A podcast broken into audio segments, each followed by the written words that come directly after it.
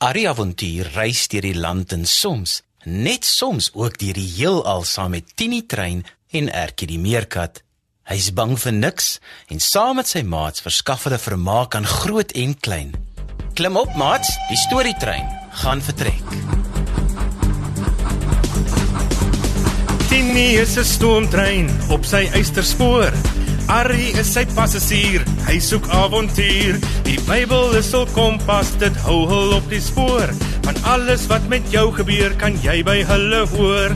Ertjie is 'n maatjie, 'n meerkat van die veld. Karosie is 'n stoute aap, hy doen gewone kwaad. Ertjie en Karosie en Arrie ook daarbey. Is almal net so spesiaal, so spesiaal soos jy. Kom nou maat skuif nader, luister bietjie daar. Is dit dalk die Tini trein wat ek daar gewaar?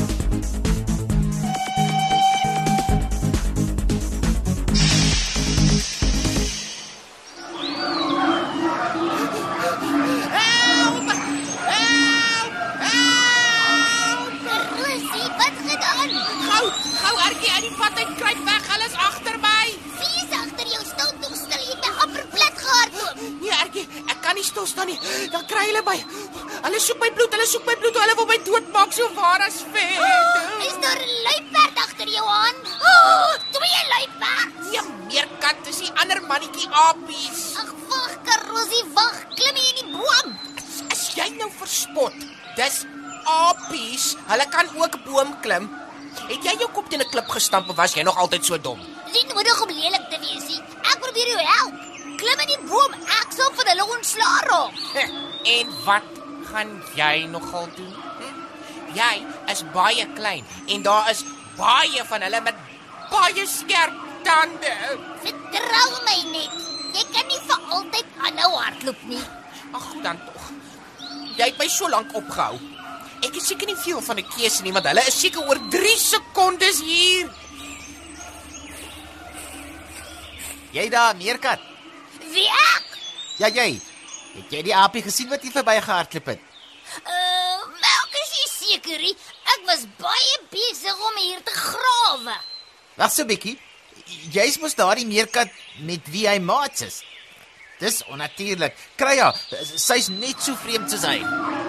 Los my.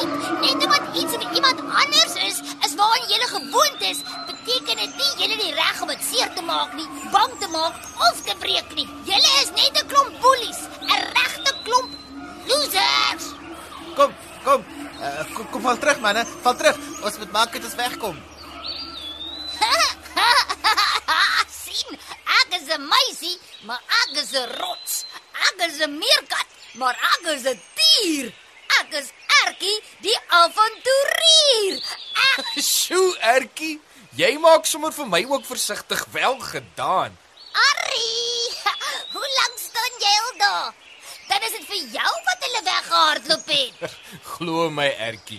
Ek is seker hulle sou in elk geval twee maal daaroor dink om jou aan te vat. Al het ek nie opgedaag toe ek opgedaag het nie. Ag, dit maak nie saak hoekom hulle weggehardloop het nie. Ek is net bly jy's hier. Waar is Tini en hom Koos? Ah, hulle is net hier agter die bult. Ons het gekom inloer op pad na 'n nuwe opgrawing. So waar is Karolsie? Hier, bo in die boom. Is dit regtig veilig om af te kom grond toe? Ja, Karolsie, heeltemal veilig. Kom maar afgrond toe. Sjoe, dit was nou so hitte. Ek kan nie eens my stert voel nie. Mm, maar hoekom het hulle jou so gejaag, Karosie? Ek weet hulle is 'n klomp lae limmels. Maar hoekom wil hulle jou doodmaak? Ag, dit is so moeilik, Ertjie. Oor al die dinge wat ek saam met jou, Arrie, oom Koos en Tini al geleer en gesien het, is daar net altyd meer en meer vrae in my kop. En stem ek nie saam met alles wat die ander mannetjies doen nie. Ek dink oor goed wat ek nooit gedink het nie. En ek is nie eintlik 'n aapie wat baie hou van dink nie. Ah, behalwe oor wat om volgende te eet. Ja, en dis nog 'n ding. Ek stem soms met jou saam oor goed deesdae. Mm, ek voel asof daar iets in my is wat besig is om te verander. ja? En die ander mannetjies kom dit agter. Hulle sê ek's vreemd.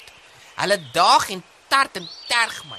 Ek kon dit nie meer hou vandag nie. Toe vertel ek hulle alles van Arrie en hom Koos en Tini en ons avonture.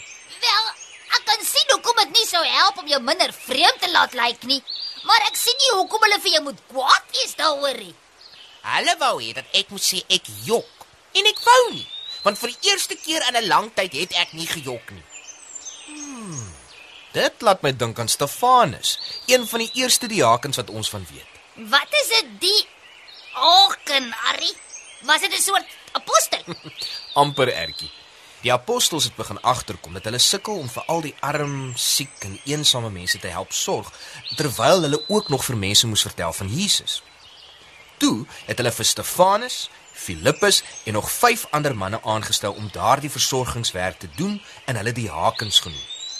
Ek het nie vir die ander mannetjies probeer sorg nie, Arrie. Ek het hulle probeer vertel van jou en vir wat ek en Ertjie al alles geleer het. Stefanus het ook gehelp om mense te leer van Jesus. Die dinge wat Stefanus oor Jesus geleer het en aan ander probeer vertel het, het die manne van daardie tyd se sinagoge ongelukkig gemaak. Wat is soort gogga se sina sinagoga? Nee, erkie nie 'n gogga nie, 'n goge. 'n Sinagoge. sinagoge. Net so. Dit is wat die Jode die gebou genoem het waar hulle God aanbid het of geleer het van die wette van Moses. En dan moes hulle mos bly wees oor die nuwe dinge wat Stefanus hulle kon vertel. Dit was nie deel van die dinge waaraan hulle gewoond was en waarmee hulle groot geword het nie. Hulle het met Stefanus gestry. Die Heilige Gees het Stefanus gehelp om 'n antwoord op elke vraag en teenargument te gee. Het hulle hom toe begin glo? Miskien was hulle bang om hom te glo. Toe hulle sien dat hulle niks met hulle stryery reg kry nie, het hulle gesê dat Stefanus oor dinge jok en dat hy vreeslike lelike dinge oor God en oor Moses se wette sê. Ah, sugars maar is lelik. Ja. Hulle is dan die mense wat jok nie Stefanus nie. Waarom is hulle bang om vir Stefanus te glo, ha? Jy's reg, Ertjie. Maar mense is bang vir dinge wat hulle nie ken nie. En as hulle Stefanus geglo het, sou hulle lewens en gewoontes baie moes verander. Mense wil nie altyd verander nie. Buiten dit het Stefanus hulle ook gesê dat hulle God se seun Jesus aan die kruis vermoor het. Hulle het seker glad nie daarvan gehou om dit te hoor nie. Wat het hulle toe gedoen, Arrie? Ja, Arrie, wat? Hulle het al ore toegedruk om nie na Stefanus te luister nie. Hulle het hom tot buite die stad se mure gesleep en hom daar met klippe doodgegooi.